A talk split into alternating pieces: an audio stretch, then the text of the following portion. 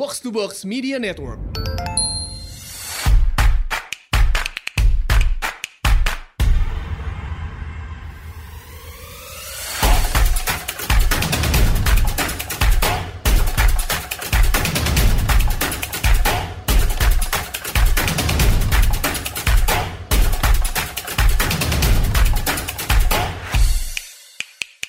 Selamat datang di Asumsi Bersuara. Hari ini kita akan bahas sebuah isu yang sepertinya udah mulai lumayan ramai diperbincangkan, tapi belum terlalu ramai ya. Tapi kayaknya ini penting gitu, karena uh, bisa jadi berdampak juga nih ke, ke kita gitu. Tentang situasi di Tiongkok. Ini ada dua hal penting nih yang yang mungkin kita akan akan bahas hari ini. Yang pertama adalah tentang krisis keuangan yang dihadapi raksasa properti Tiongkok uh, Evergrande. Nah ini dikhawatirkan berpotensi sistemik gitu ya terhadap perekonomian Tiongkok dan juga dunia. Dan yang kedua, ini bisa jadi ada kaitannya, bisa jadi enggak, uh, yaitu tentang stance uh, pemerintahan Xi Jinping yang sekarang belakangan nih mulai menjadikan isu ketimpangan itu menjadi fokus utama gitu. Jadi mereka banyak melakukan crackdown ke beberapa industri lah di di sana. Kita kedatangan lagi untuk kedua kalinya di Asumsi Bersuara, Bang Poltak Fatradero. Bang Poltak, welcome back to the podcast, Bang.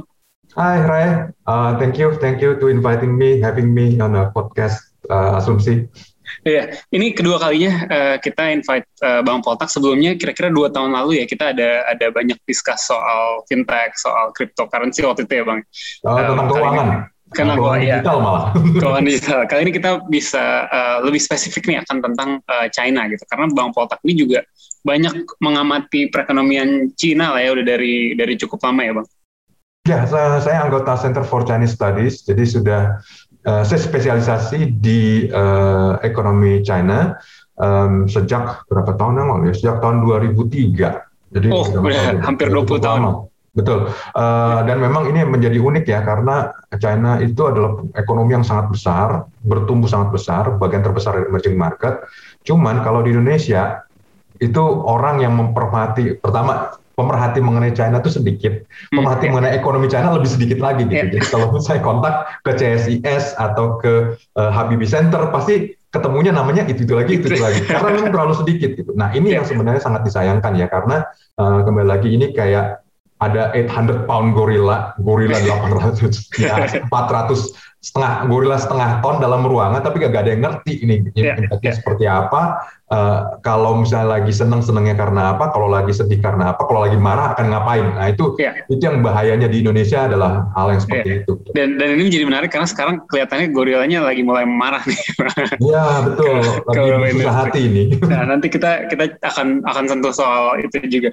Bang mungkin yang pertama-tama ini ya um, tentang uh, kasus uh, Evergrande ini. Mungkin bisa bisa diceritakan dulu kali ya ke, ke pendengar-pendengar kita yang mungkin baru baru dengar gitu baru samar-samar mendengar ada ada kisruh di perusahaan properti besar uh, namanya Evergrande.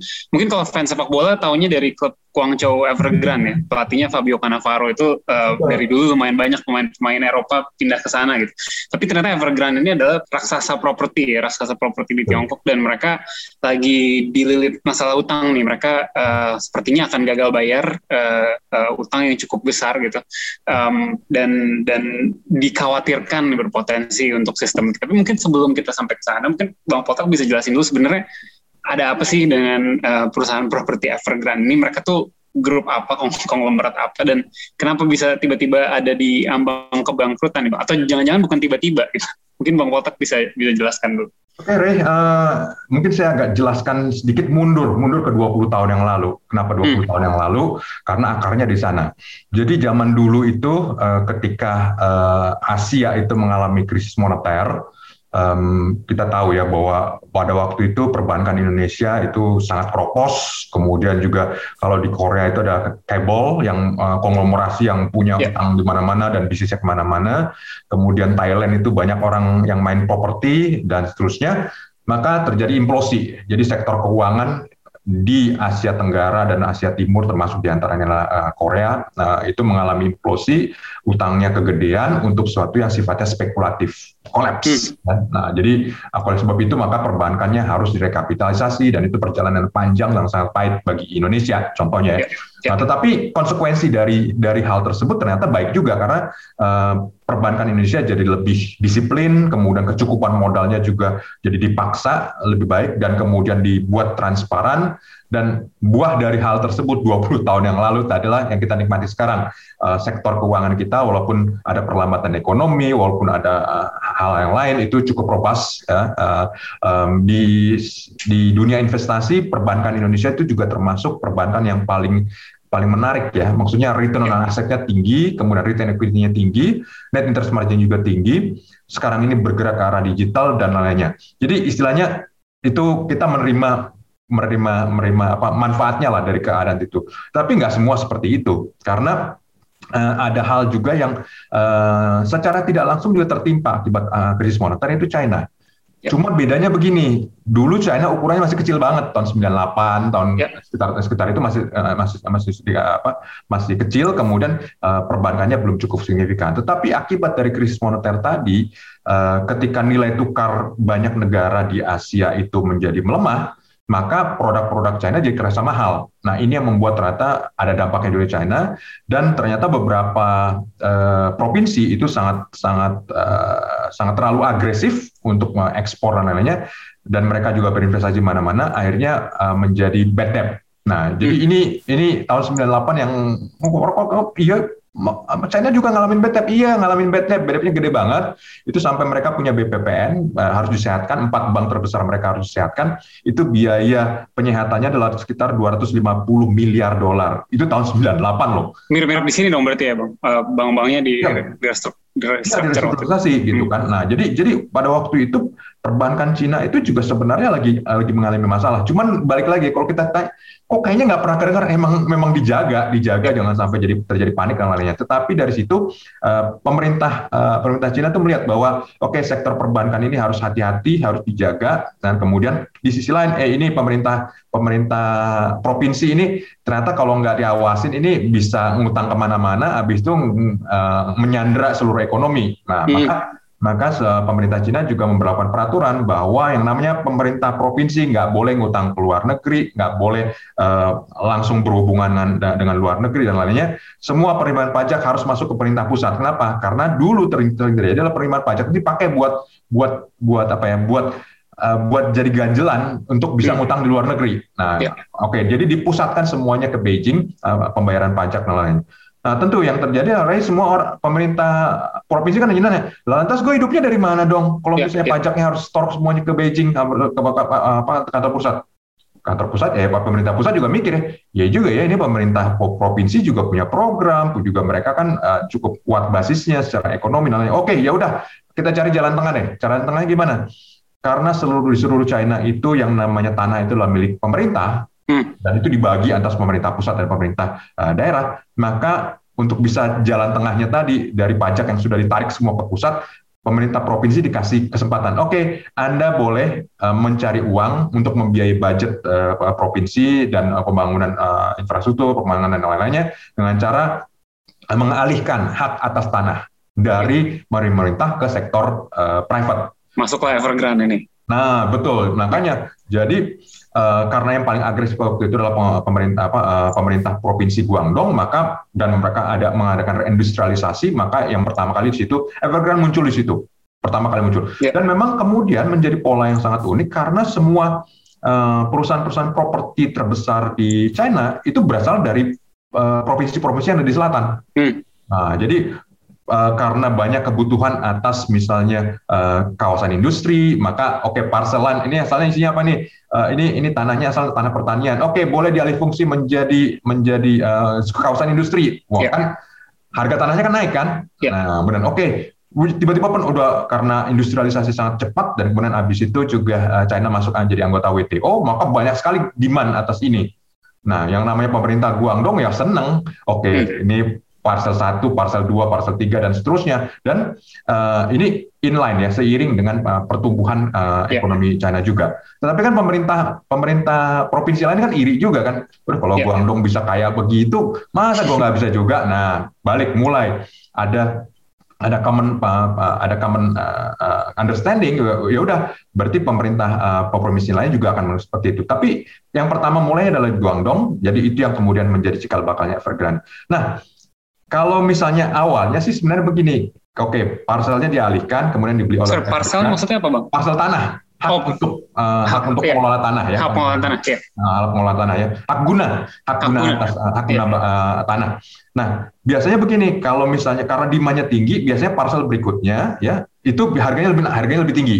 Hmm. Nah, itu langsung direbut. Parcel berikutnya lebih tinggi, lebih tinggi, lebih tinggi dan seterusnya. Jadi harga tanah tuh selalu naik. Nah, kalau misalnya harga di Guangdong udah mulai naik, provinsi sekitarnya juga mulai, oh gue juga ikutan jualan yeah. jualan parcel tanah seperti itu, pengalihan harga ikut naik juga. Nah, investor-investor pertama tuh untungnya untung untung gede. Kenapa? Karena tadi mereka uh, beli tanah yang kemudian jadi kawasan industri, dari kawasan industri kemudian ada aktivitas ekonomi dan seterusnya boom. Nah, itu akan ngikutin arah ekonomi uh, China. Cuman kan yang namanya kawasan industri kan juga relatif terbatas ya, nggak, nggak akan mungkin terus-menerus bertumbuh. Nah, jadi ketika gelombang pertama pertumbuhan itu banyak sekali dinikmati oleh banyak sekali uh, perusahaan-perusahaan real estate, mereka sudah uh, istilahnya ini inline karena uh, mendukung uh, industrialisasi, ekspor dan lainnya. Ketika ini mulai jenuh, maka geser nih, gesernya mana komersial. Uh, komersial uh, memang masih inline dengan industri, tetapi ini efeknya lebih pada dalam negeri Nah, tergantung tadi mall, perkantoran, dan seterusnya. Ketika ini juga boom juga, bahkan mulai geser lagi ke mana? Residensial. Nah, jadi sebenarnya yang paling punya cash paling kuat itu sebenarnya pertama adalah kawasan industri. Nah, karena tadi berbasis ekspor, pasti ya. udah ada jaminan lain. Ketika uh, ini sudah mulai jenuh, maka gesernya ke komersial. Komersial itu kan ada up and down-nya. Kalau lagi ekonomi bagus, bagus. Kalau lagi uh, ekonomi jelek, ya, ya turun. Nah, ya. Nah, kemudian geser lagi ketika ada jenuh, geser lagi ke uh, uh, ke residensial. Nah, di sini menjadi masalah nih. Karena ekspektasi dari awal harga tanah nggak akan mungkin turun, ini ke bawah dari yang industrial park ke komersial ke residensial. Nah, ini yang selama bertahun-tahun menjadi uh, kepercayaan umum di China. Uh, pokoknya nggak salah deh beli beli beli beli properti harga pasti naik. Ya, salah ini juga begitu kan kita berpikir. Betul. Nah, ya. itu juga yang saya juga ngelihat ya, kita juga ngelihat ya, bahwa ternyata ini juga mantra yang dipakai di Indonesia. Ya. Beli Senin harga naik, itu tuh impor sebenarnya. ya. begitu tuh dari sana gitu ya. bahwa bahwa harga akan naik. Nah, masalahnya kembali lagi, yang namanya pemerintah daerah seneng karena dapat income kan, dapat ya. income. Nah, kemudian di sisi lain juga Uh, apa namanya perusahaan properti juga senang. Cuman kan makin lama ini harga harga propertinya juga makin mahal. Kenapa pemerintah daerahnya makin lama, oh kan laku kan, naikin lagi harganya, naikin lagi harganya. Nah sementara perusahaan seperti Evergrande atau yang perusahaan properti yang lainnya, ini kan perlu funding, perlu pembiayaan. Nah perlu funding dan pembiayaan ini mereka kan uh, perlu jaminan. Ini nggak bisa begitu saja jadikan jaminan. Yang terjadi adalah mereka minjam ke masyarakat. Ya. Nah, minjam menerbitkan uh, produk-produk investasi dan produk investasinya ini hebat sih sebenarnya untuk sebuah negara yang bunga tabungan, bunga deposito, bunga deposito satu tahun itu cuma 0,6 persen. Jadi kalau teman-teman ya di China punya deposito, nah itu sekitar dapatnya sekitar 0,6 persen per tahun.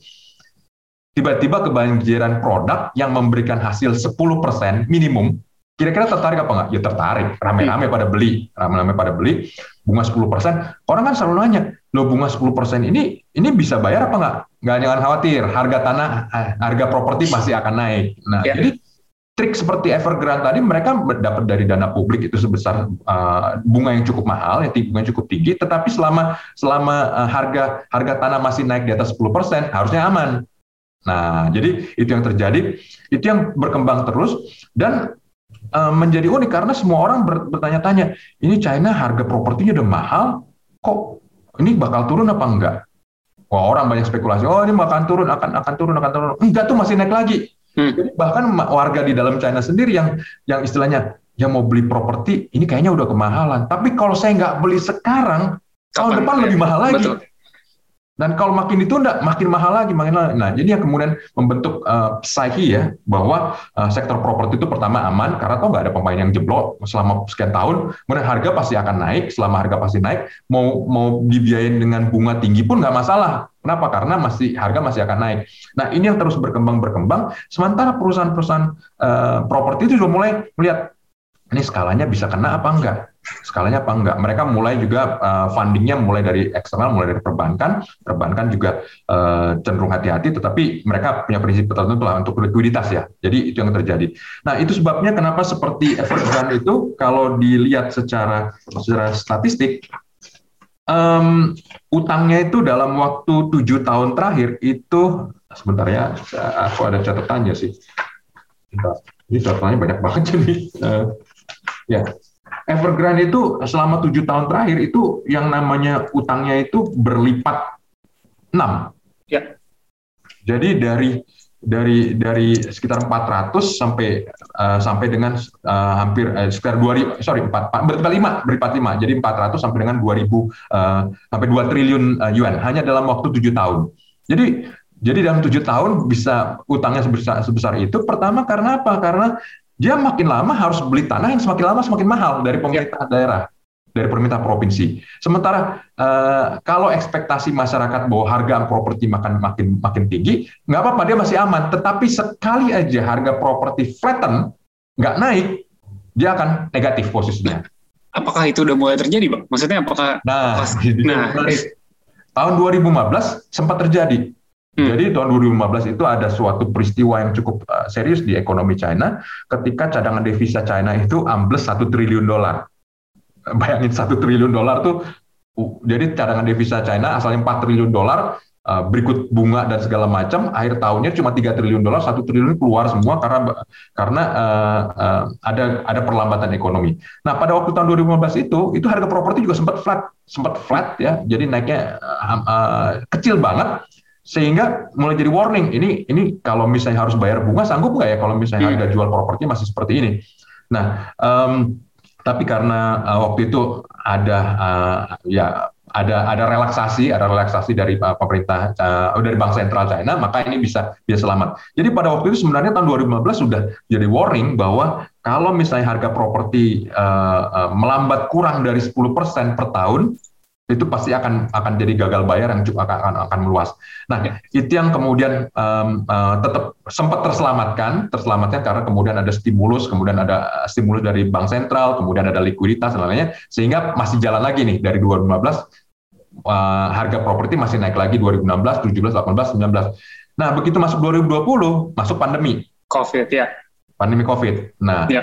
uh, ini yang mulai uh, mulai jadi awal-awal COVID, uh, ini orang-orang menjadi menjadi uh, orang masih restraining ya mengenai mengenai mengenai, mengenai belanja aktivitas ekonomi lainnya, tapi ini jelas menimbulkan perlambatan ekonomi di China. Nah, ini yang kemudian orang-orang mulai melihat ini kalau misalnya seperti begini, uh, ini sektor propertinya bagaimana nih? Ah, tapi nggak apa-apa lah, toh masih masih masih selama ini dija, pasti dijagain lah. Istilahnya uh, Evergrande itu menjadi masuk ke suatu entitas yang sifatnya too big to fail pasti akan di bailout, pasti akan yeah. di bailout dan itu menjadi kepercayaan umum. Nah, oleh pemerintah pusat menjadi masalah. Ini sebenarnya gimana sih? Ini kayaknya pemerintah provinsi kecanduan, kecanduan harga tanah naik, sementara di sisi lain ini akan membebani ke, ke, keuangan. Di sisi lain juga pada tahun 2020 kemarin terjadi sensus sensus penduduk uh, China dan untuk pertama kalinya angka kelahiran itu turunnya tajam, turunnya 14 persen. Hmm. Orang mungkin akan bisa bilang, ya kan lagi pandemi juga, orang akan tetapi polanya unik bahwa bahkan di daerah pedesaan pun angka kelahiran turun. Padahal selama ini di China itu adalah yang kontribusi terhadap uh, angka pertumbuhan penduduk itu selalu dari dari dari dari dari daerah rural, dari yeah. desa gitu. Nah, kalau misalnya ruralnya aja kepukul gimana lagi kotanya gitu kan. Nah, itu sebabnya kenapa China melihat begini. Ini yang dikhawatirkan terjadi demographic crumbling, jadi penduduknya makin lama makin tua, kemudian jumlah generasi mudanya semakin lama semakin sedikit, ini akan menjadi lebih cepat daripada ramalan. Ramalannya sih sebenarnya China itu akan uh, jumlah penduduknya itu akan mencapai puncaknya sekitar tahun 2000, 2030-an. Hmm. Habis itu akan turun. Habis itu turun. Yeah. Uh, nah, kalau dari proyeksi dari sensus itu, itu akan jadi sekitar tahun 2025 puncaknya. Jadi lebih cepat lima tahun. Nah, ya. jadi lebih cepat jadi lima tahun. Nah, oleh pemerintah uh, uh, pemerintah pusat dalam hal ini PKC melihat ini kenapa ya orang uh, wargaku kok nggak mau beranak pinak ya? Nah, mulai dilihat. Oh, oke. Okay, pertama yang menjadi masalah adalah harga properti mahal. Oh, oke. Okay. Oh, karena uh, China punya punya uh, imbalance ya secara gender. Jadi karena dulu kan ada single child policy tahun 2078 uh, di mana uh, orang hanya boleh punya anak satu Hmm. Jadinya yang terjadi adalah uh, warga Cina tuh lebih suka punya anak laki-laki daripada anak perempuan. Hmm. Nah, jadi gendernya imbalance ini sembingan ekstrimnya sampai untuk setiap uh, eh, 100 perempuan ada 113 laki-laki. Ya, ya. Jadi itu udah gapnya aja udah 13 ya. Padahal kan ya. untuk bisa punya anak itu kan paling nggak harus sama kan jumlahnya. Ya. Dan yang semua menikah juga belum tentu semua punya anak gitu. Betul. Nah, jadi ini yang dikhawatirkan dan oleh karena itu eh, pemerintah pusat melihat ini kalau dibiarin terus ini bisa banyak bisa majalah demo, menjadi masalah demografis eh, ini akan terkait dengan keamanan terkait dengan aktif, eh, dengan ekonomi dan lain-lainnya. Nah, oke. Okay. Paling utama apa yang bikin orang jadi males menikah? Oh ternyata properti. Kenapa? Hmm. Ya tadi perempuan nggak mau menikah dengan laki-laki yang nggak punya properti sama sekali. Padahal ya propertinya harga propertinya udah termahal di dunia. Jadi yeah. gambaran gambaran misalnya properti di eh, di kota-kota besar di, di di di China itu di Shenzhen itu harga properti standar kira-kira setara dengan 48 tahun gaji. mungkin orang ini 48 tahun. Sampai pensiun pun nggak bakal dua kali nggak lifetime juga nggak bakal lunas. Bisa, ah, nah, jadi jadi bagi, bagi pemerintah pusat ini warning, ini bahaya. Pertama, ini berbahaya secara demografi terhadap uh, daya daya saing dan lainnya.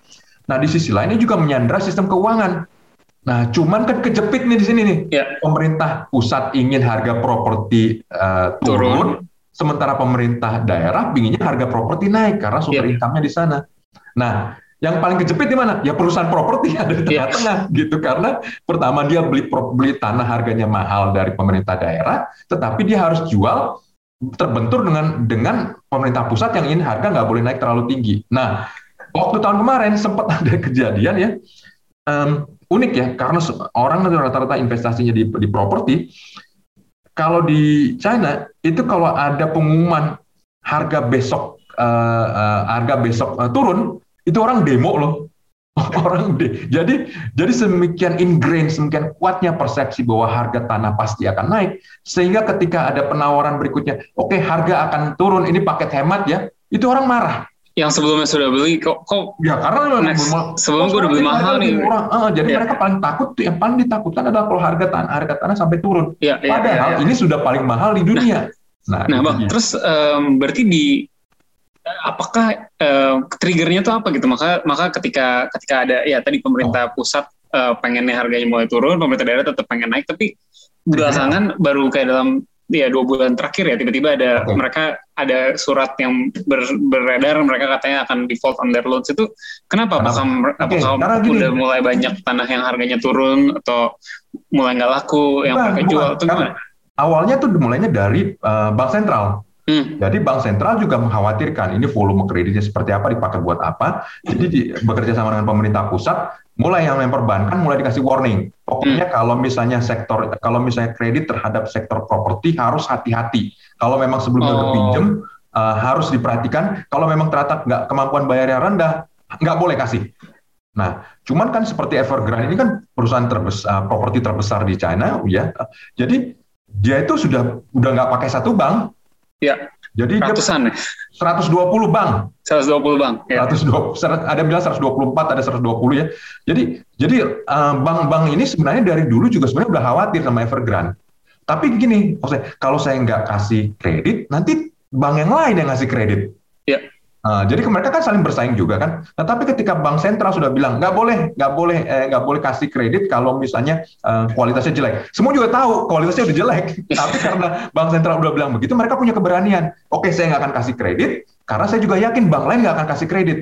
Jadi nah, mereka nggak bisa roll over utangnya. Nggak gitu. bisa roll over. Jadi, Jadi mereka oh. punya masalah di working capital. Nah itu yang mulai yeah. mulai munculnya suratnya itu uh, sekitar bulan Februari bulan Februari tahun 2021 ini ketika hmm. muncul ada dua bank mereka menolak untuk rolling kredit mereka minta itu, itu dibayar ini bank yang lain malah mikir, eh kalau dua ini nggak mau apa minta uh, minta eh, nggak uh, mau kasih extend kredit, gue juga nggak mau. Yeah. Nah, itu yang membuat uh, Evergrande itu dari asalnya uh, dari asalnya nggak pernah masalah dengan likuiditas, sekarang jadi punya masalah dengan likuiditas. Oh, Oke, okay. jadi isunya di likuiditas ya, bukan mereka, bu, bukan kaitannya sama uh, kan saya baca juga ya mereka um, diversifikasi yang gila-gilaan kayak tiba ya tadi misalnya buka uh, apa buka klub sepak bola gitu kan terus bikin theme park bikin macam-macam terus uh, banyak juga yang menyebut soal uh, kota mati ya banyak kayak uh, apartemen-apartemen yang nggak ada yang nggak ada yang beli. Itu tuh nggak bukan oh, itu itu itu itu bagi, itu bagi itu satu paket semuanya.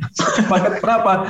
Kenapa kalau misalnya kita cek ya, kenapa misalnya uh, Evergrande itu pernah masuk ke bisnis uh, air mineral. Ya, ya.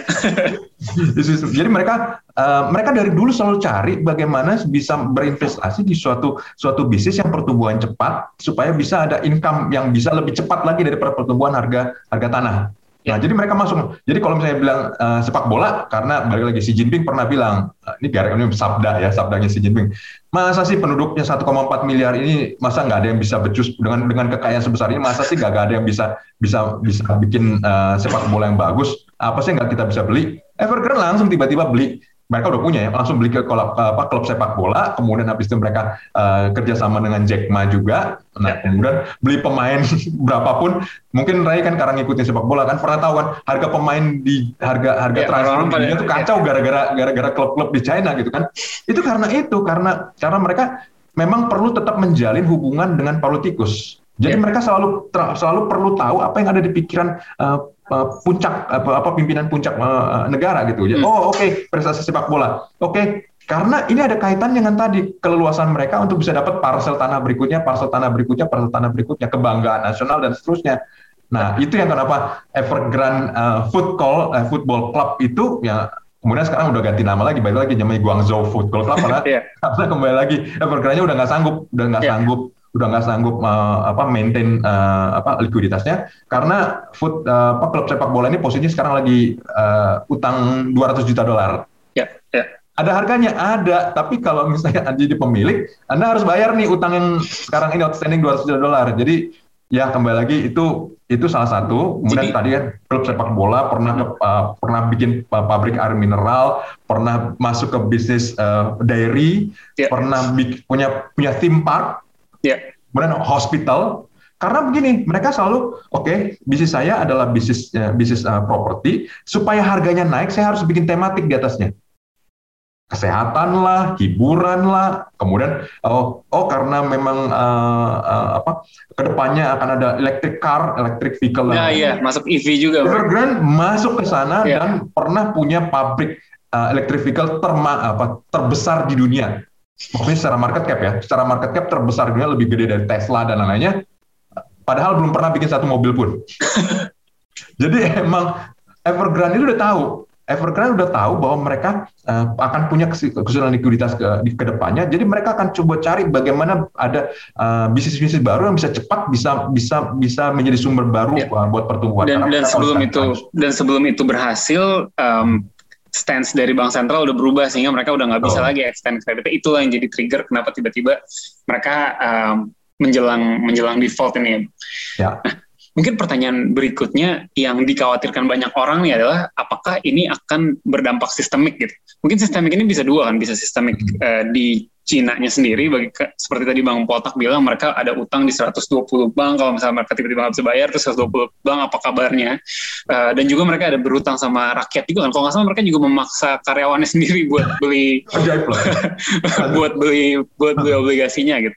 Tapi di luar itu juga kalau saya baca nih banyak uh, fund manager dari Amerika dan Eropa tuh pada pegang utangnya Evergrande juga gitu. Kalau nggak salah nih Ashmore ada pegang 400 juta dolar, UBS 300 juta dolar. Ini bakal bakal sistemik nggak ke, okay. seluruh dunia? Nah ini dia, karena istilahnya kan semua pada ngerasa bahwa ini too big to fail, akhirnya yeah. dimanfaatkan oleh Evergrande untuk bisa extend semuanya. Ya, pasti ya pemerintah China pasti akan bail out. Kepercayaan seperti itu kan. Yeah. itu makanya kenapa per, sampai 120 bank kan. Yeah. uh, di seluruh China itu ada 194 bank. Jadi kebayang gak lebih dari setengah udah ngasih. Lebih dari setengah udah ngasih line kredit gitu kan. Dan selama yeah. selama ini mereka ngerasa ah ini pasti akan bail out. Tapi ketika bank sentral bilang lu nggak boleh ya ngasih lagi ya sama sama yang udah average. Oh mereka ber, akhirnya baru mereka punya keberanian gue akan ngasih lagi. Akhirnya itu serentak tapi akhirnya kan masalah likuiditas. Nah jadi uh, kalau misalnya um, in, uh, Evergrande itu juga punya masalah kan liabilities ya kewajiban terhadap pihak lain itu jumlah, jumlahnya ekuivalen sekitar 300 miliar dolar. Ya. Nah, oke okay, kita belah dulu ya 300 miliar dolar. Yang bentuknya surat utang ya, surat utang komersial itu 100 miliar dolar. Nah, 100 miliar dolar. 20 miliar dolar itu overseas. Jadi ada di luar China, 80 ada di dalam. Ya. Oke. Okay. Sisanya itu ada kredit uh, loan perbankan. Ya Kemudian masih lagi ditambah lagi, mereka jual produk, jual produk investasi. Jadi untuk fundraising mereka uh, uh, punya anak perusahaan, anak perusahaan ini menerbitkan surat utang, surat utang ini bisa dibeli oleh masyarakat, bunganya 10%. Ini tadi ya. Ya, nah itu pokoknya sangat menarik. Nah, yang unik adalah ya anak-anak perusahaan yang wealth management uh, Evergrande ini menggunakan surat utang ini juga untuk ngebayar uh, untuk ngebayar uh, ini uh, kontraktor, supplier hmm. dan lainnya.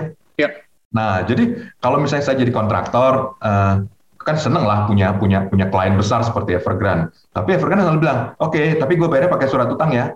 Oh, oh jadi kalau iya nggak dibayar cash mereka. Nggak bayar nggak bayar cash, pakai surat utang ya, pakai surat utang, surat utang perusahaan gue kan, gue jamin dengan. Oke, okay, jadi kalau kontraktor tersebut dapat, kemudian apa yang mereka lakukan? Mereka akan pergi ke bank, jadiin kolateral untuk bisa working capital. Ah, nah, jadi jadi, ada, jadi bank, ada unsur limannya juga di sini. Jadi bahkan ada ada bank-bank lain yang nggak termasuk di 128 itu ya. yang jangan-jangan pegang surat utangnya juga pegang di secondary market ini. Betul. Nah, jadi Astaga, sekarang okay, okay. Nah, ketika ketika ketika bank sudah nggak boleh kali kasih pinjaman dengan kolateral surat utangnya uh, Evergrande tadi, yang terjadi adalah, eh bos, bayarnya pakai yang lain deh, nggak bisa pakai ini. Ya udah, gimana kalau gue bayar pakai properti? Beneran jadi banyak sekali kontraktor, kontraktor sama supplier di di, di, di China itu dibayar pakai properti, pakai propertinya Evergrande yang belum selesai. Buset nggak? Jadi ada sampai ada cerita pabrik cat, pabrik hmm. cat itu dibayar pakai pakai apartemen. sama tempat tempat tempat parkir gitu. Mirip-mirip kayak saya pernah dengar cerita juga di sini kayak gitu. Nah, iya, itu makanya, Mungkin makanya menjadi, menjadi menarik ya karena ternyata beberapa, beberapa pola itu kita bisa temui di sini iya. di Indonesia gitu.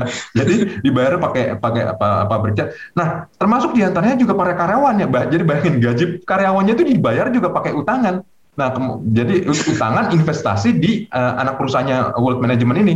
Buset, oke. Okay. jadi jadi oke okay, Anda dapat bonus ya. Nah, tapi kalau bonusnya ya supaya maksimum uh, bonusnya dibeliin ini ya surat utangnya Evergrande.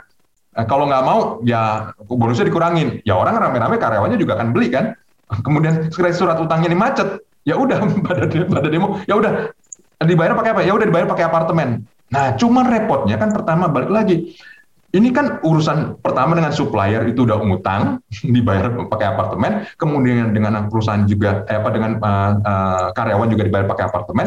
Yang repot bahwa Evergrande tuh masih punya utangan juga 1,4 juta apartemen yang sudah dibayar oleh para oleh masyarakat. Jadi masyarakat tuh kalau di China, saya mau beli apartemen. Nah, Oke, okay. karena percaya harganya bakal naik, Uh, maka posisinya lebih upper hand perusahaan perusahaan perusahaan uh, properti. Ya udah store aja dulu uang mukanya. Oke, okay, store uang muka sekian. Bisa nanti kemudian bawa cicilan dan seterusnya. Jadi bayar di depan. Penyelesaiannya kapan? Penyelesaiannya nanti. Nah, ada 1,4 juta apartemen yang sudah kasih dikasih uang muka tapi belum tahu belum tahu ini kapan bakal bakal bakal selesai apa enggak nih apartemennya. Nah, bagian yang paling kritikal itu justru ada di situ. Jadi hmm. kembali lagi kalau ditanya ya, impact-nya ke mana? Oke, okay, kita bedah lagi dari atas ke bawah ya. Ini kan berarti kalau mungkin ada orang-orang nanya, oh berarti kalau gitu Evergrande ini uh, pem, pem, melakukan pembiayaannya pakai dengan cara dengan cara uh, wealth management, uh, berarti nggak dibukuin? Enggak, nggak dibukuin.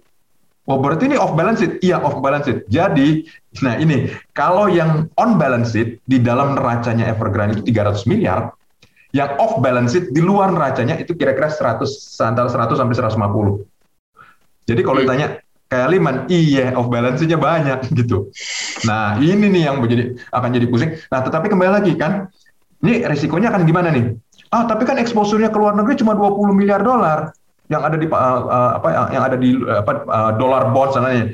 Iya betul bos, cuma 20 miliar dolar. Tapi emang yang minjem luar negeri cuma cuma Evergrande doang perusahaan properti China emang nggak minjem juga, minjem. Perusahaan konstruksi minjem juga, minjem. Perusahaan yang lainnya BUMN juga minjem juga. Nah, ini yang menjadi masalah. Kenapa? Karena kalau misalnya Evergrande gagal bayar, nggak mau belum nggak nggak sanggup untuk bayar bonds mereka yang ada di luar negeri, maka yang kena tulah itu bukan cuma dia, tapi semuanya gitu. Terutama hmm. pertama pasti pertama akan perusahaan konstruksi sama perusahaan real estate. Nah, jadi yang terbitkan uh, bond uh, bond di luar negeri itu pasti akan, loh, Evergrande yang nom terbesar nomor dua aja kagak kagak bisa bayar, nggak bisa bayar bunganya. Ini apalagi yang kecil-kecil yang udah deh, ini kayaknya sama nih akan akan nah, akan akan akan kejadian itu makanya kenapa tadi malam ada pengumuman kredit Suisse mulai unload mulai lepas semua uh, apa uh, bonds yang mereka uh, mereka pegang atas Evergrande dan juga kemungkinannya dalam minggu-minggu ke depan mereka juga akan melepas uh, bonds yang mereka pegang atas berbagai perusahaan-perusahaan konstruksi dari real estate dari dari China. Nah ini yang menjadi menjadi masalah nih. Jadi Evergrande itu kayak ngeracunin ngeracunin bondsnya uh, apa pasar bondsnya uh, China. Nah sementara di dalam pasar bondsnya China itu kan bagian juga dari pasar uh, bondsnya emerging market. Yeah. Jadi akan ada juga impact yang secara nggak langsung terhadap uh, apa uh, terhadap uh, emerging market secara umum pendanaan uh, eksternal dari emerging market. Nah jadi kalau misalnya tanya sekarang ini nih harganya uh, bondsnya Evergrande itu cuma 30 sen untuk setiap dolar. Hmm. Jadi udah diskon banget ya. Yeah, yeah. Jadi kalau orang berani beli ya, berani beli itu dapat yield kira-kira 60%. Tapi yeah. orang udah bilang, ini mah 60% mah nggak mungkin bayar lah, ini mah pasti pasti akan ada term-term yang sangat memberatkan. Jadi 30 harganya udah 30 sen dolar 30 sen per US dollar. Nah, sementara uh, perusahaan-perusahaan real estate dan properti China lain itu masih sekitar 80. Hmm. 80 80 sen per uh, US dollar. Jadi masih masih masih lebih tinggi. Tapi kalau misalnya ini gagal bayar, kemungkinan ya tadi perusahaan-perusahaan properti China juga pun akan akan kesulitan untuk bisa uh, akan akan uh, ya istilahnya ini kan dalam satu dalam satu satu kolam kemungkinan ya tadi fund-fund manager global juga akan melepas. Ya, Evergrande. Lebih ke trust ya, lebih ke trust berarti, lebih ke trust. Karena ya, uh, jangan sampai jangan-jangan jangan-jangan begitu juga nih Ya, jadi mereka juga sama, sama satu sektor gitu kan. Ya, akhirnya nah, bisa jadi yang lain-lain juga akan bisa eh, nggak uh, bisa rollover juga gitu kan, karena nggak bisa nggak bisa ngeris uang lagi juga. Betul. Nah makanya jadi sebenarnya yang paling dikhawatirkan bukan masalah Evergrande-nya sendiri, tetapi dia akan berdampak pada keseluruhan sektor itu ya. satu ya. Uh, kemudian berdampak juga terhadap ekonomi. Kenapa? Uh, ini yang menjadi penting ya sektor real estate di China itu berkontribusi sekitar 27 persen atas ekonomi. Ya, ya. 27 persen. Oke, itu baru dasarnya sendiri. Tapi yang namanya real estate sendiri itu kan juga menghidupi banyak orang. Ya, Contoh ya. Evergrande sendiri itu punya Evergrande punya 200 ribu karyawan. Nah, yang dibayar pakai dibayar pakai dibayar surat utang yang terbitkan sendiri dan nggak dibayar dan kemudian sekarang ditawarin buat dibayar pakai pakai lapangan tempat parkir sama sama sama sama sama apartemen. Nah itu baru dua ribu karyawannya sendiri. Nah sementara mereka kan ngesap kontraktor, ada kontraktor yang bekerja yeah. dan lainnya. Itu sekitar 3,8 juta orang bekerja secara tidak langsung terhadap proyek-proyek yang ada yang dikerjakan oleh uh, Evergrande.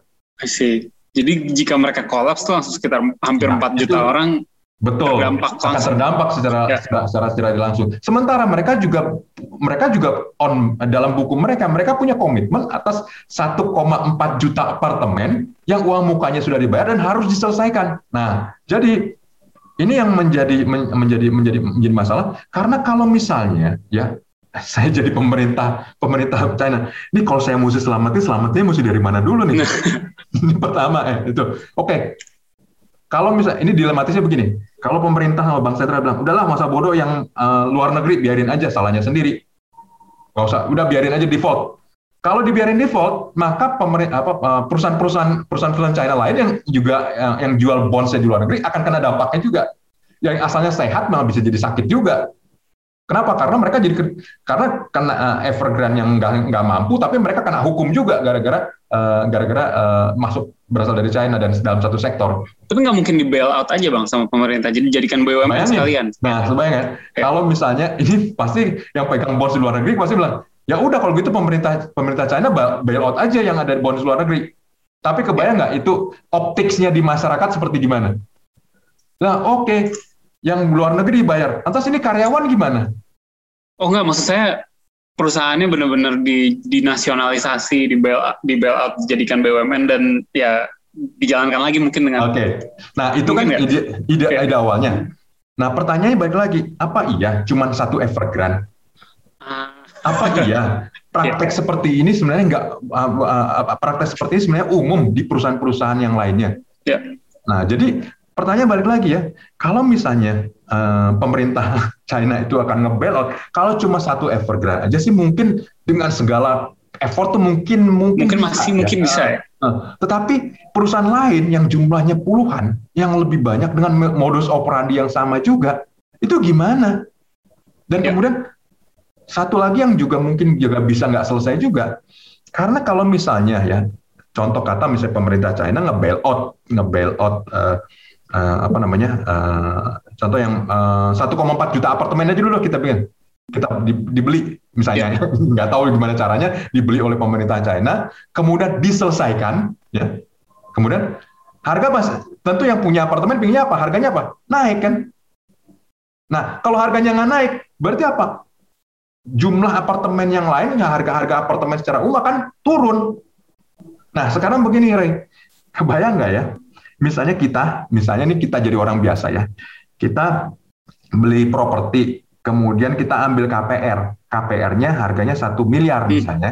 Contoh kata lah, satu miliar ya. Ini apartemennya harga satu miliar, kita ambil KPR senilai satu miliar, kita ngutang 20 tahun misalnya Nah kemudian ternyata harga pasarnya turun jadi 800 juta. Tapi KPR kita kan harus kita harus bayar kan tetap satu miliar kan? Iya, iya. Nah, kira-kira kita mau bayar apa enggak? Enggak, mendingan mendingan gue harus. Ngapain ngapain gue harus ngebayarin apartemen yang sekarang harganya 800 juta seharga KPR secara secara, secara satu miliar. Yang terjadi ini yang paling ditakutkan dan ini yang yang terjadi pada waktu krisis Lehman Brothers ketika harga harga properti di Amerika turun, orang walk out Ngapain dia bayar? Iya. Ngapain gue bayar orang sekarang harganya lebih murah, ngapain mesti bayar bayar bayar apartemen dengan harga lebih mahal? I see. Jadi itu nah, jadi waduh bah, jadi bahkan itu di bailout pun nggak nggak akan selesai karena ekspektasi orang harga naik terus akan naik. Itu, Padahal sisi lain pemerintah pemerintah pusatnya pingin supaya harga tuh paling nggak jangan paling nggak affordable lah buat, buat masyarakat. Jadi istilahnya ini akan akan kejebak kejebak di satu sisi gitu kan? Ya, ya, ya. Bukan sisa, Pusing, banyak ya. sisi gitu. Kan? Jadi ya. kalau misalnya pertama, kalau yang luar negerinya di bailout itu pasti akan mahal. Nah, jadi kalau praktik prakteknya kalau misalnya secara secara uh, ajaran komunisme atau ideologi komunisme bagaimana nih? Siapa yang paling akan ditolong? Pertama pasti yang pertama kali ditolong um, secara ini, secara uh, optiknya itu politiknya bagus. Pertama pasti Hmm, yang pertama kali tolong pastinya yang karyawan. Karyawan, karyawan ya. dulu ya. Karyawan-karyawannya Evergrande yang tuh dua ratus ribu, ya harus dibayarin gajinya. Nomor dua tentu yang beli apartemen. Ya. Nah, kemudian nomor tiga kontraktor. Ya. Dan karyawan yang bekerja di kontraktor yang jumlahnya sudah hampir 4 juta orang. Itu banyak yang belum udah nggak terima gaji loh. Nah, ya. habis itu yang ditolong berikutnya bank dalam negeri. Kemudian habis itu yang ditolong berikutnya uh, uh, apa pemegang surat utang yang ada di dalam negeri. Ya. Nah, jadi yang luar negeri gimana? Ya, yang luar negeri ya belakangan lah jadinya. Nah, tapi ini urutannya begini, itu tuh nggak gampang juga. Pertama kan balik lagi kan, oke, okay, kalau memang yang pertama kali perlu ditolong itu adalah eh, pembeli apartemen, gimana caranya supaya harga nggak turun? Jadi balik lagi mereka inginnya harga naik kan? Kalau ya. misalnya yang di, perlu ditolong itulah uh, uh, karyawannya Evergrande, ya roknya dua ratus ribu, pesangonnya bagaimana, pendapatannya bagaimana, uangnya dari mana, masuk ke bisnis mana lagi. Tapi yang paling repot adalah justru dengan hubungan dengan kontraktor ini. Ada pabrik, pabrik, uh, ada pabrik cat yang dibayar pakai pakai apartemen, pasti mereka ingin bayar pakai cash kan. Ya. Tapi ada pekerja yang 3,9 juta, 3, hampir 4 juta orang juga harus dibayar. Nah, jadi Nah, bagaimana caranya supaya ini tuh bisa tetap dikerjakan, tapi harga properti nggak turun. Nah, ya, ya, ya. Sementara ada pemain-pemain yang lain, yang pemain-pemain properti yang lain tetap berharap, gue akan bisa selamat kalau harga properti masih naik. Iya, ya, ya, ya. Padahal Bang, ekonomi lagi melambat. Betul. Ya. Hmm. Bang, ini ke, kan tadi sempat disebut juga. Jadi salah satu um, keinginannya pemerintah pusat Tiongkok ini kan adalah uh, um, yang harga properti jangan terlalu mahal-mahal dan ini inline dengan salah satu perubahan fokusnya uh, rezim Xi Jinping sekarang ini di mana mereka mau mengarah ke common prosperity katanya kan. Betul. Jadi uh, mereka uh, ke melihat ketimpangan udah menjadi satu isu yang begitu begitu besar di di Cina lalu pengen uh, mengubah lah pengen mengubah ke arah ya mungkin balik ke rootsnya partai komunis kali ya. Um, nah di sini mereka melakukan banyak hal nih. Mereka uh, mencoba mensetir sumber daya pembangunan tuh banyak ke arah-arah yang mereka yang yang pengen mereka pilih gitu kan. Seperti kayak high tech manufacturing gitu. Jadi Betul. banyak industri kayaknya salah satunya properti ini gitu ya yang yang mulai uh, apa nggak mulai out of favor gitu oleh oleh pemerintah pemerintah Cina gitu. Nah pengen pengen dengar uh, pandangannya Bang Potak sih sebenarnya um, arahnya tuh arahnya tuh gimana sih apa sih yang yang pengen dilakukan uh, pemerintah Cina sekarang itu dengan dengan ya kemarin banyak melakukan crackdown teknologi hmm. juga kan kayaknya kayak Tencent gitu mulai di oh. mulai di apa mulai disuruh kalau bisa profitnya 75 persennya di hmm. alihkan gitu kan ke dijadikan cek CSR paksa gitu ya bukan pajak. Um, Jack Ma juga udah dari tahun lalu kan di hmm. di agak ditendang lah ya gitu. Betul. Um, kayak apa sih bang sebenarnya um, kenapa tiba-tiba berubah drastis gitu dari sebelumnya? Oke okay, semua uh, didukung gitu ya pemain pemain-pemain teknologi lokal gitu. Sekarang mulai dikesampingkan dan ya uh, mulai berubah lah arahnya gitu. Bang, um, ini sebenarnya kembali pada uh, ini kepada pada prinsip uh, ideologis di sini bahwa pemerintah ya itu China itu selalu negara harus hadir di mana-mana gitu kan. Yeah. Nah, jadi mereka udah garis keras lah negara hadirnya ya. Nah, tetapi memang di sisi lain um, ini menjadi dilematis sendiri karena ada pemerintah pusat dan pemerintah daerah yang kepentingannya berbeda kan. Yeah. Jadi kan sudah ceritakan seperti itu. Nah, tapi yang juga sama-sama menjadi concern bahkan apakah itu di pemerintah pusat, apakah itu pemerintah daerah adalah terkait dengan demografi.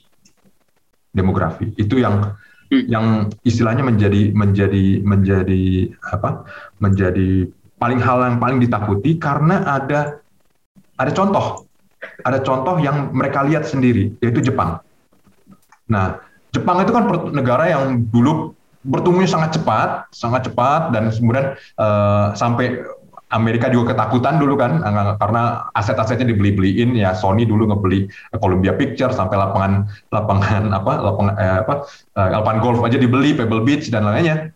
Tapi begitu um, roaring ya hebat banget begitu masuk tahun 90 tiba-tiba turun ada krisis dengan perbankan habis itu mereka 30 tahun loh 30 tahun ekonominya nggak bangkit nggak bangkit bangkit perbankannya masih kuat tidak keburu uh, go internasional. Kalau ditanya apa sih yang membuat kira-kira Jepang tiba-tiba menjadi tiba dari bertumbuh sangat cepat tiba-tiba ngerem habis itu tiba-tiba kontraksi. Hmm. Orang kan bilang oh over credit dan enggak demografi puncak jumlah penduduk Jepang itu itu mencapai peaknya itu sekitar tahun 1986 87. Jadi ketika suatu negara itu sudah peak ya jumlah dem, uh, jumlah penduduknya habis itu kan turun Nah, ini ini yang paling dikhawatirkan. Nah, seperti seperti tadi kan, ketika hasil sensusnya China itu mas muncul, nah tahun 2020 cuma ada 10 juta bayi. Ya. Biasanya berapa? Biasanya sekitar 1,1,2, 1, ini tuh ini gimana de ke depannya, Pak? Jadi mereka akan lihat ini 2020 aja seperti itu, 2021 akan wah ini demografinya akan akan akan akan cepat lebih cepat turun. Wah, puncak demografinya akan turun. Ini akan pertama apa mereka bisa tetap produktif seperti dulu sementara orangnya makin lama makin tua? Jumlah orang mudanya makin sedikit. Ya. Nah, gimana bisa orang mudanya bisa eh, aktif terhadap ekonomi kalau misalnya tadi mereka mau beli rumah aja susahnya minta ampun karena mahalnya minta ampun. Ya.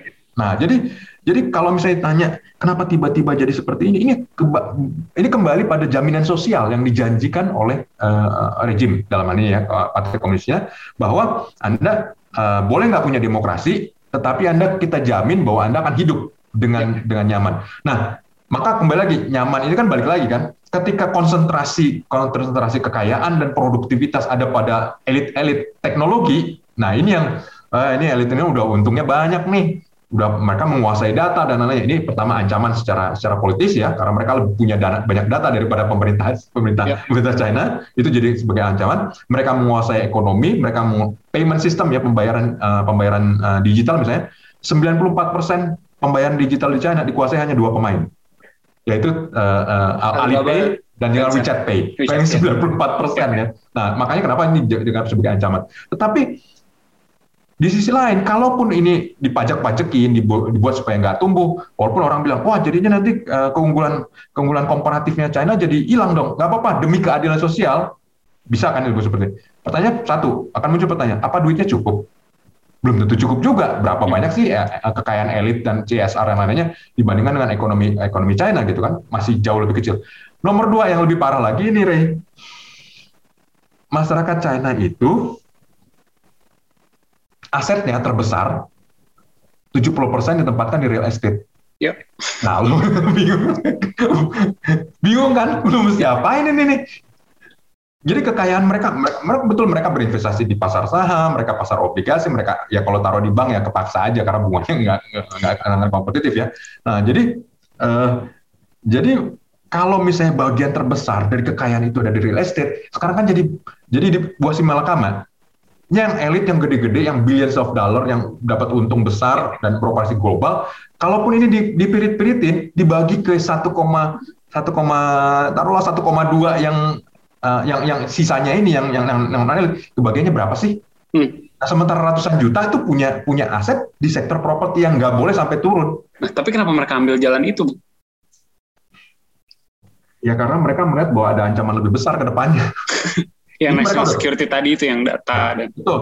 Uh, karena begini ya, uh, di satu sisi biasalah kalau misalnya suatu suatu negara atau suatu pemerintahan atau aliran politik itu ngerasa bahwa ada ancaman serius dalam negeri, mereka akan cenderung untuk mencari membuat musuh bersama di luar. Nah, makanya yeah. kenapa kalau kita bicara lihat ya mengenai uh, Laut Cina Selatan, kemudian mengenai Taiwan dan lainnya itu supaya ada pemersatu lah ya, supaya dan itu bisa muncul bisa muncul karena memang tadi ada ada ada potensi masalah dalam dalam negeri. Nah, di sisi lain juga potensi konflik di dalam negeri itu juga harus didukung oleh sesuatu yang bisa sifatnya konkret. Nah, um, misalnya konkretnya seperti apa? China bisa bilang kita komit nih menjaga kedaulatan dan lainnya. Sekarang pertanyaannya, dengan populasi yang semakin turun, kira-kira angkatan bersenjata mereka ikut turun nggak jumlahnya? Hmm. Hmm. Kepolisian mereka ikut turun apa nggak jumlahnya? Nah ini bagian dari demografi, ikut turun juga karena akan ada orang pensiun dan seterusnya. Nah jumlah jumlah tentara ini bisa nggak membacking klaim bahwa mereka akan men, apa, akan menjaga keutuhan wilayah.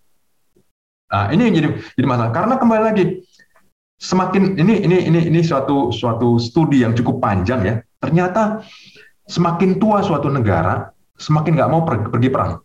Semakin ogah untuk pergi perang. Yeah. Jadi kalau kita lihat selama misalnya 50 tahun terakhir ya, 50 tahun terakhir misalnya selalu kan kita lihat kan uh, kenapa ya daerah-daerah hotspot itu selalu Afrika lagi, Timur Tengah lagi, Afrika lagi, Timur Tengah lagi, ada sedikit di Amerika Latin dan lainnya. Kenapa? Karena penduduk muda makin tua, makin nggak mau perang. Kenapa? Hmm. Karena tadi nanti yang menggantiin ekonominya siapa? Nah, bagi China lebih sulit lagi. Lebih sulit lagi kenapa?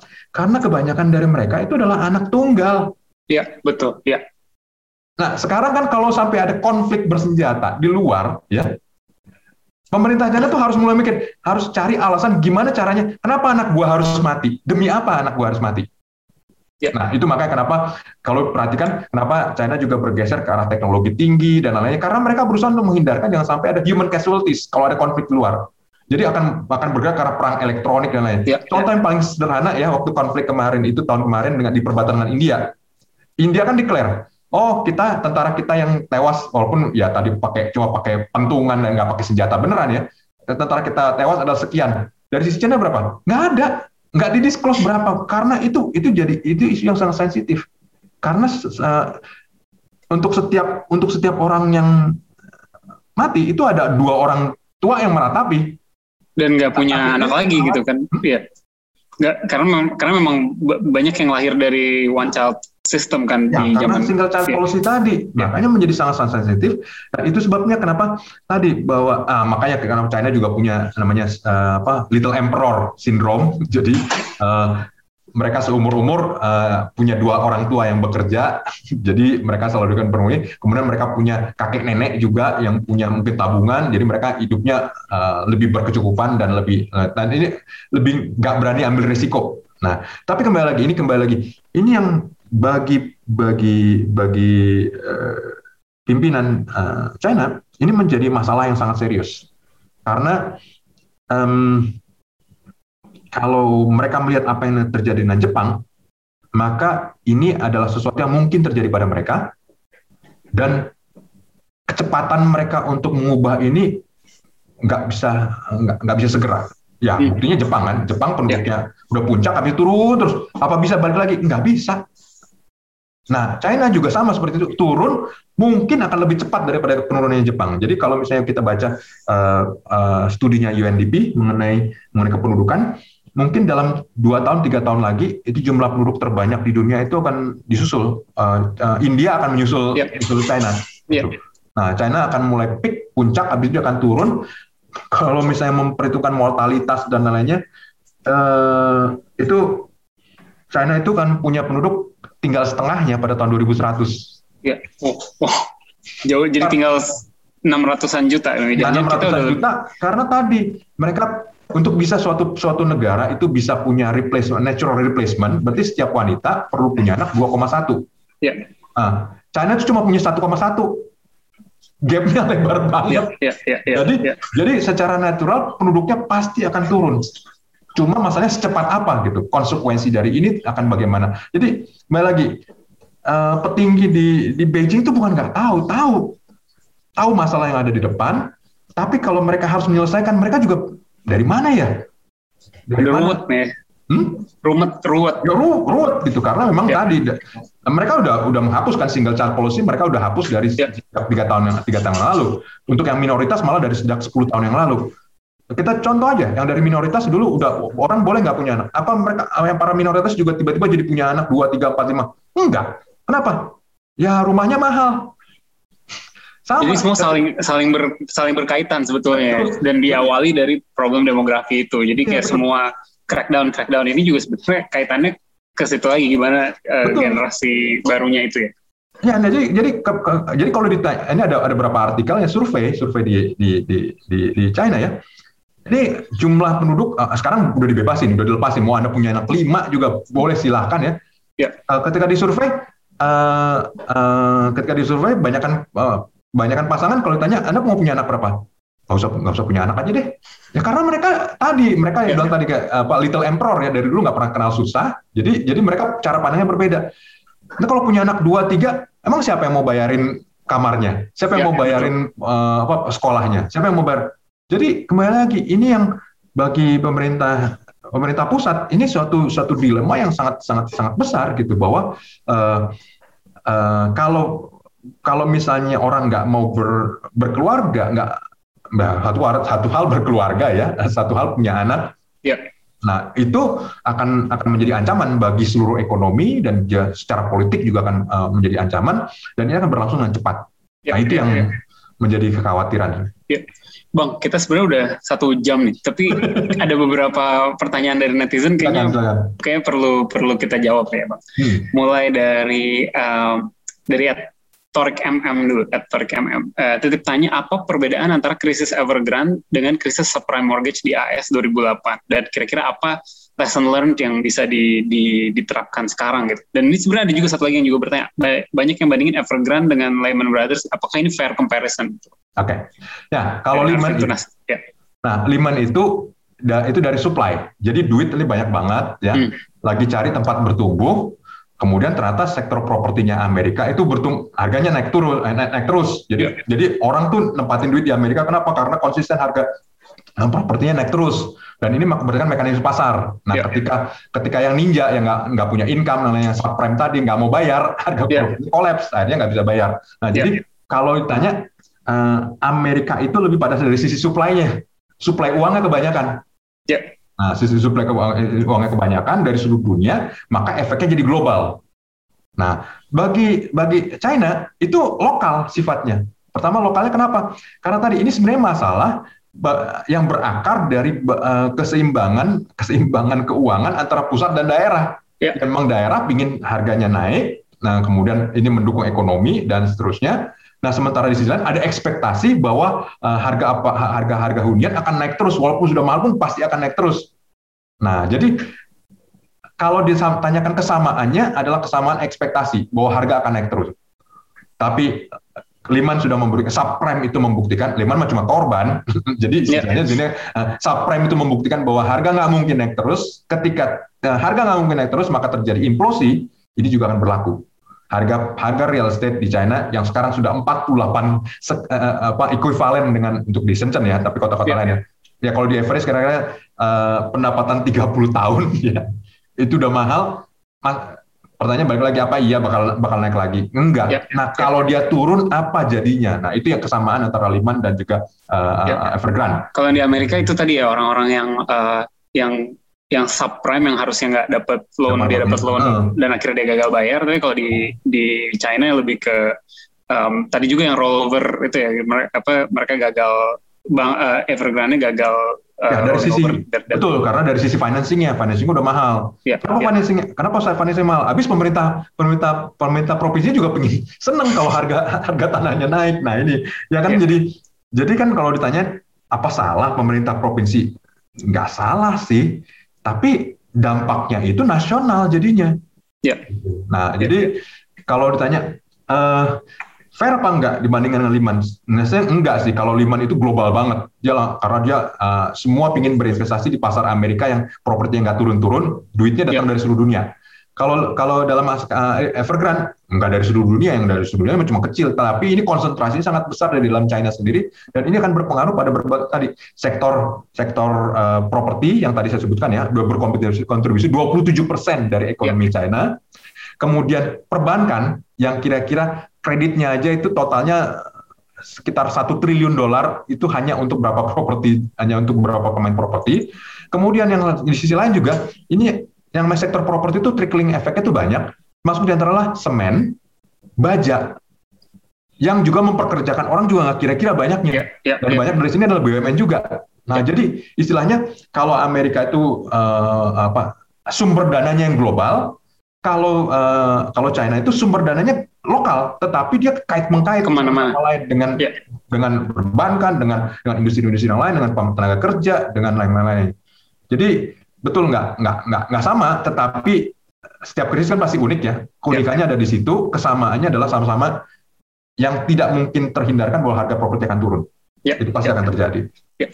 Bang dari Revana dia, mohon izin bertanya Pak Hotradero, contagion efeknya ke sektor properti dan pasar keuangan di Indonesia besar tidak Pak? Gitu.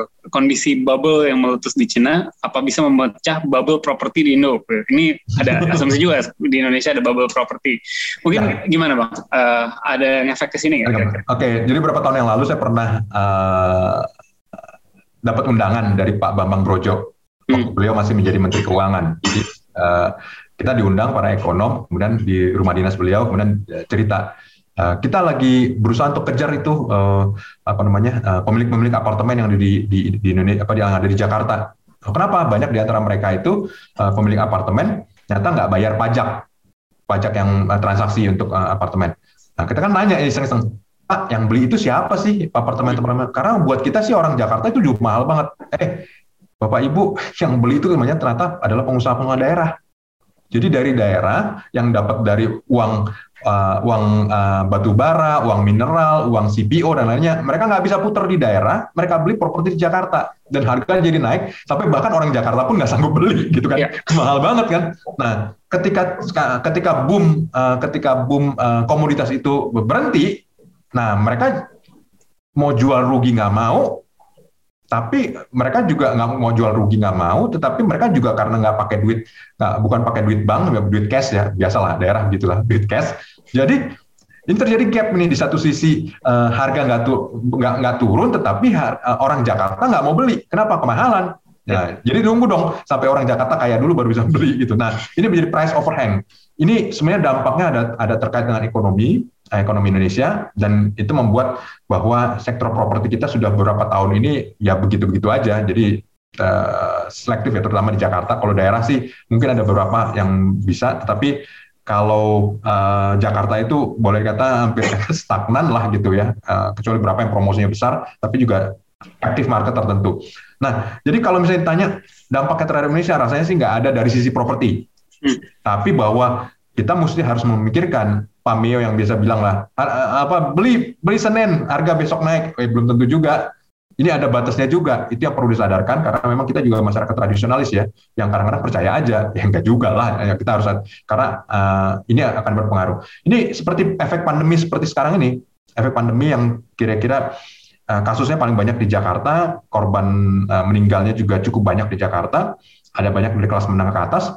Saya sih duga mungkin harga properti akan stagnan. Kenapa kan banyak orang yang lagi mohon maaf ya jadi terima warisan hmm. karena kan banyak yang meninggal juga kan yang tua-tua kan yang, yeah. yang udah lanjut kan ya jadi kalau misalnya uh, kalau misalnya punya berku, punya keluarga yang mungkin terjadi oke okay, supaya nggak repot ya udah deh dijual aja Hmm. Banyak nih, saya dugaan saya sampai dengan beberapa tahun ke depan akan banyak supply properti di di Jakarta yang kira-kira membanjiri market karena tadi hasil dari warisan yang memang akan cari pembeli berusaha untuk dilikuidasi. Nah ini yeah. biasanya akan fenomena seperti itu. Jadi kalau kita nggak pakai kita nggak pakai diganggu sama Evergrande juga kita sudah punya masalah dengan sendiri transmisinya gitu. Jadi kalau misalnya terhadap properti Indonesia rasanya nggak ada hubungan. Ya. Terhadap pasar keuangan ini mungkin agak agak mengkhawatirkan karena uh, ada beberapa saya nggak akan sebut nama, tetapi beberapa pengembang di Indonesia itu juga memperoleh pendanaannya dari pasar obligasi internasional. Ya. Nah, kalau misalnya tadi uh, gara-gara gagal bayarnya Evergrande itu membuat uh, emiten-emiten uh, sektor real estate global itu jadi nggak mau uh, me, me, apa, meroll over utang mereka yang ada di uh, emerging market, ini akan beberapa akan bisa uh, bisa kena masalah di sini. Bisa dicek lah mana-mana aja mana yang punya utang dolar itu banyak loh. Tapi oke okay lah bisa dicek. Bang, tapi saya jadi penasaran uh, dengan semua ini China mungkin jatuh ke uh, economic recession atau depresi ya? Yang yang kalau itu terjadi pasti kita akan ke dampak juga gitu. Uh, sebenarnya begini, kalau misalnya dibilang crash sih enggak ya.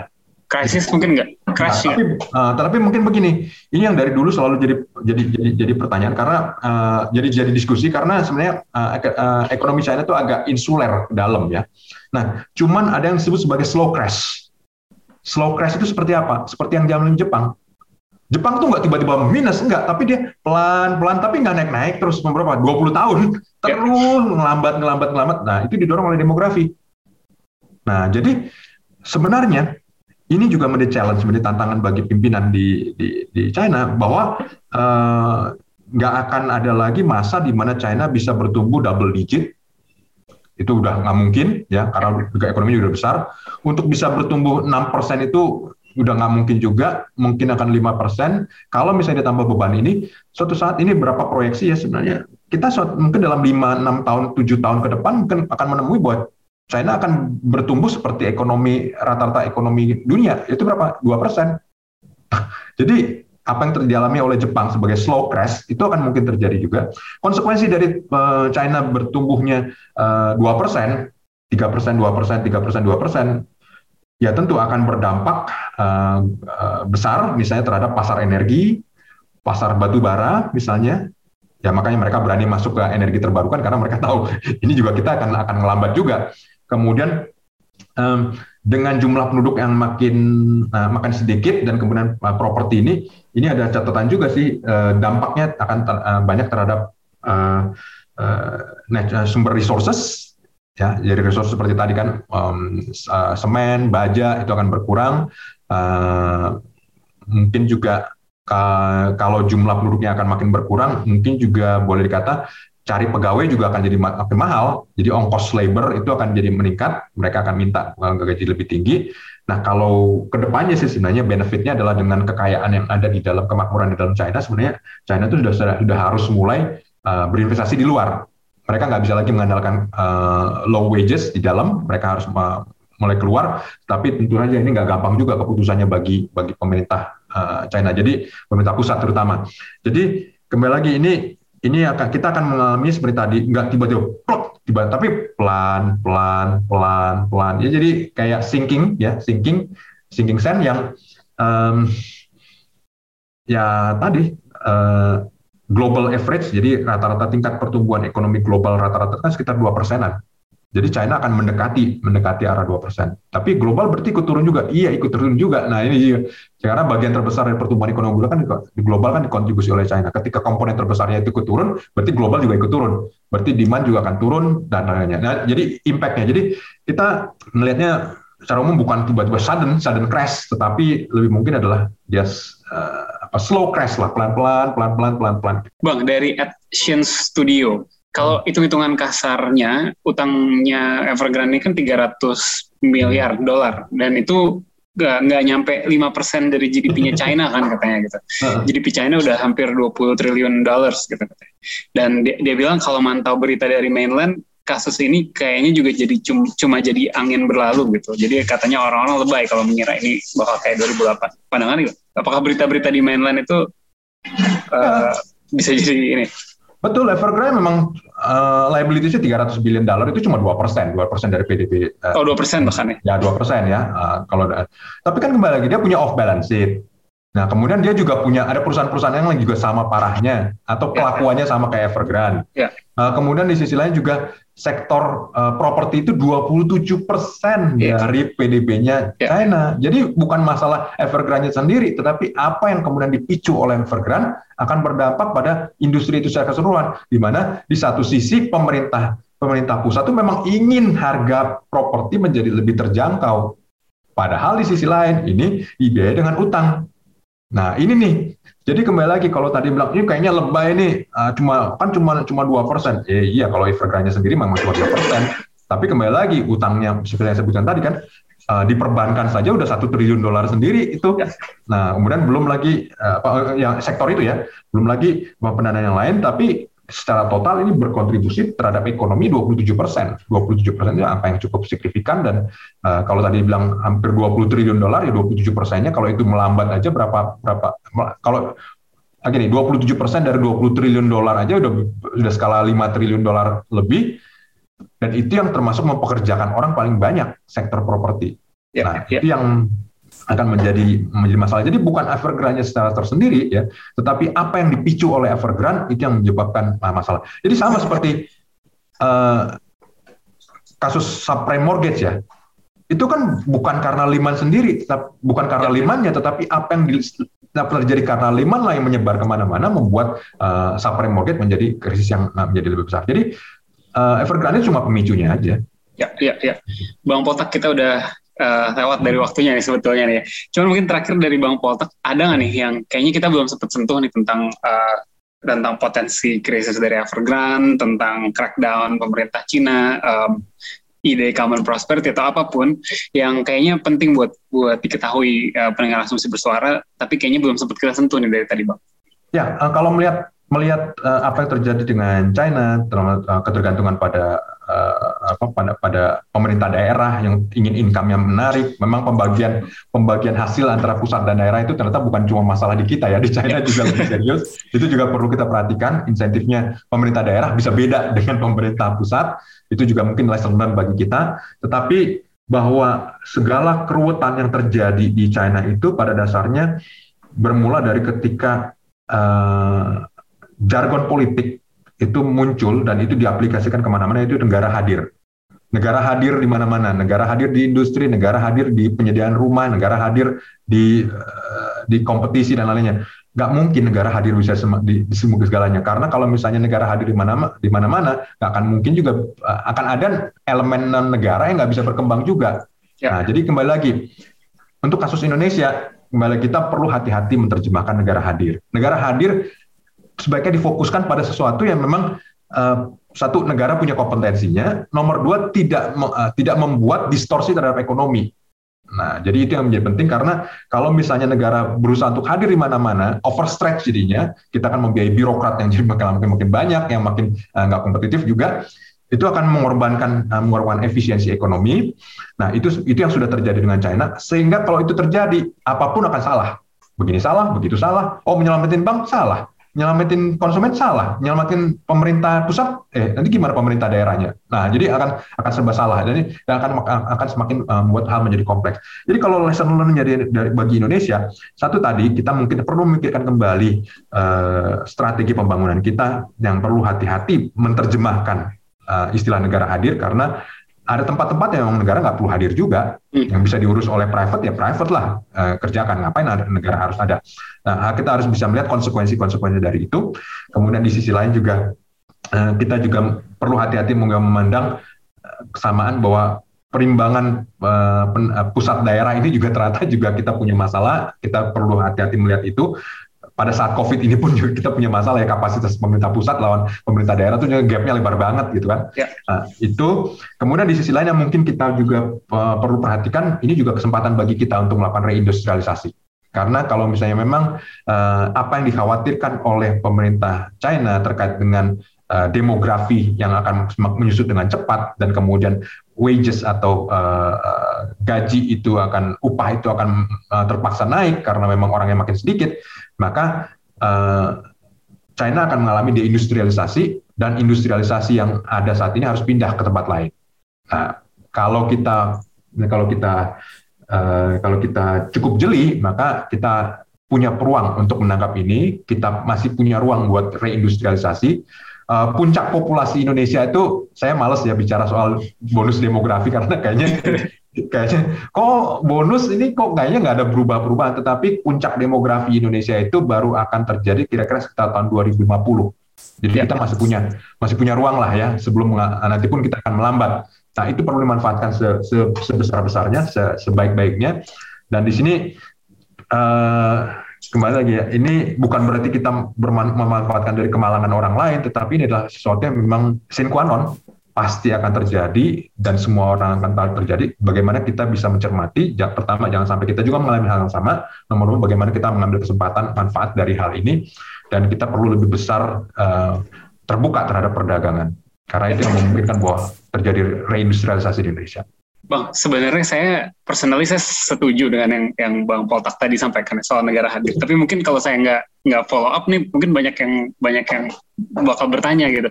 Hmm. Yang terjadi di China itu apakah negara, negara hadir terlalu banyak atau justru karena negara kurang hadir di di sektor-sektor yang uh, Evergrande tadi ini untuk meregulasinya supaya nggak nggak aneh-aneh gitu. Nah, semua itu dimulai dengan satu satu hal yaitu negara hadir di kamar tidur. Masa jumlah penduduk jumlah anak aja harus diatur oleh negara. Oke. Okay. yeah. Makanya ternyata ketika negara hadir untuk untuk hal-hal yang sifatnya private ya, itu masalahnya yeah. makin tambah kompleks gitu. Iya, iya, iya. Jadi kembali lagi.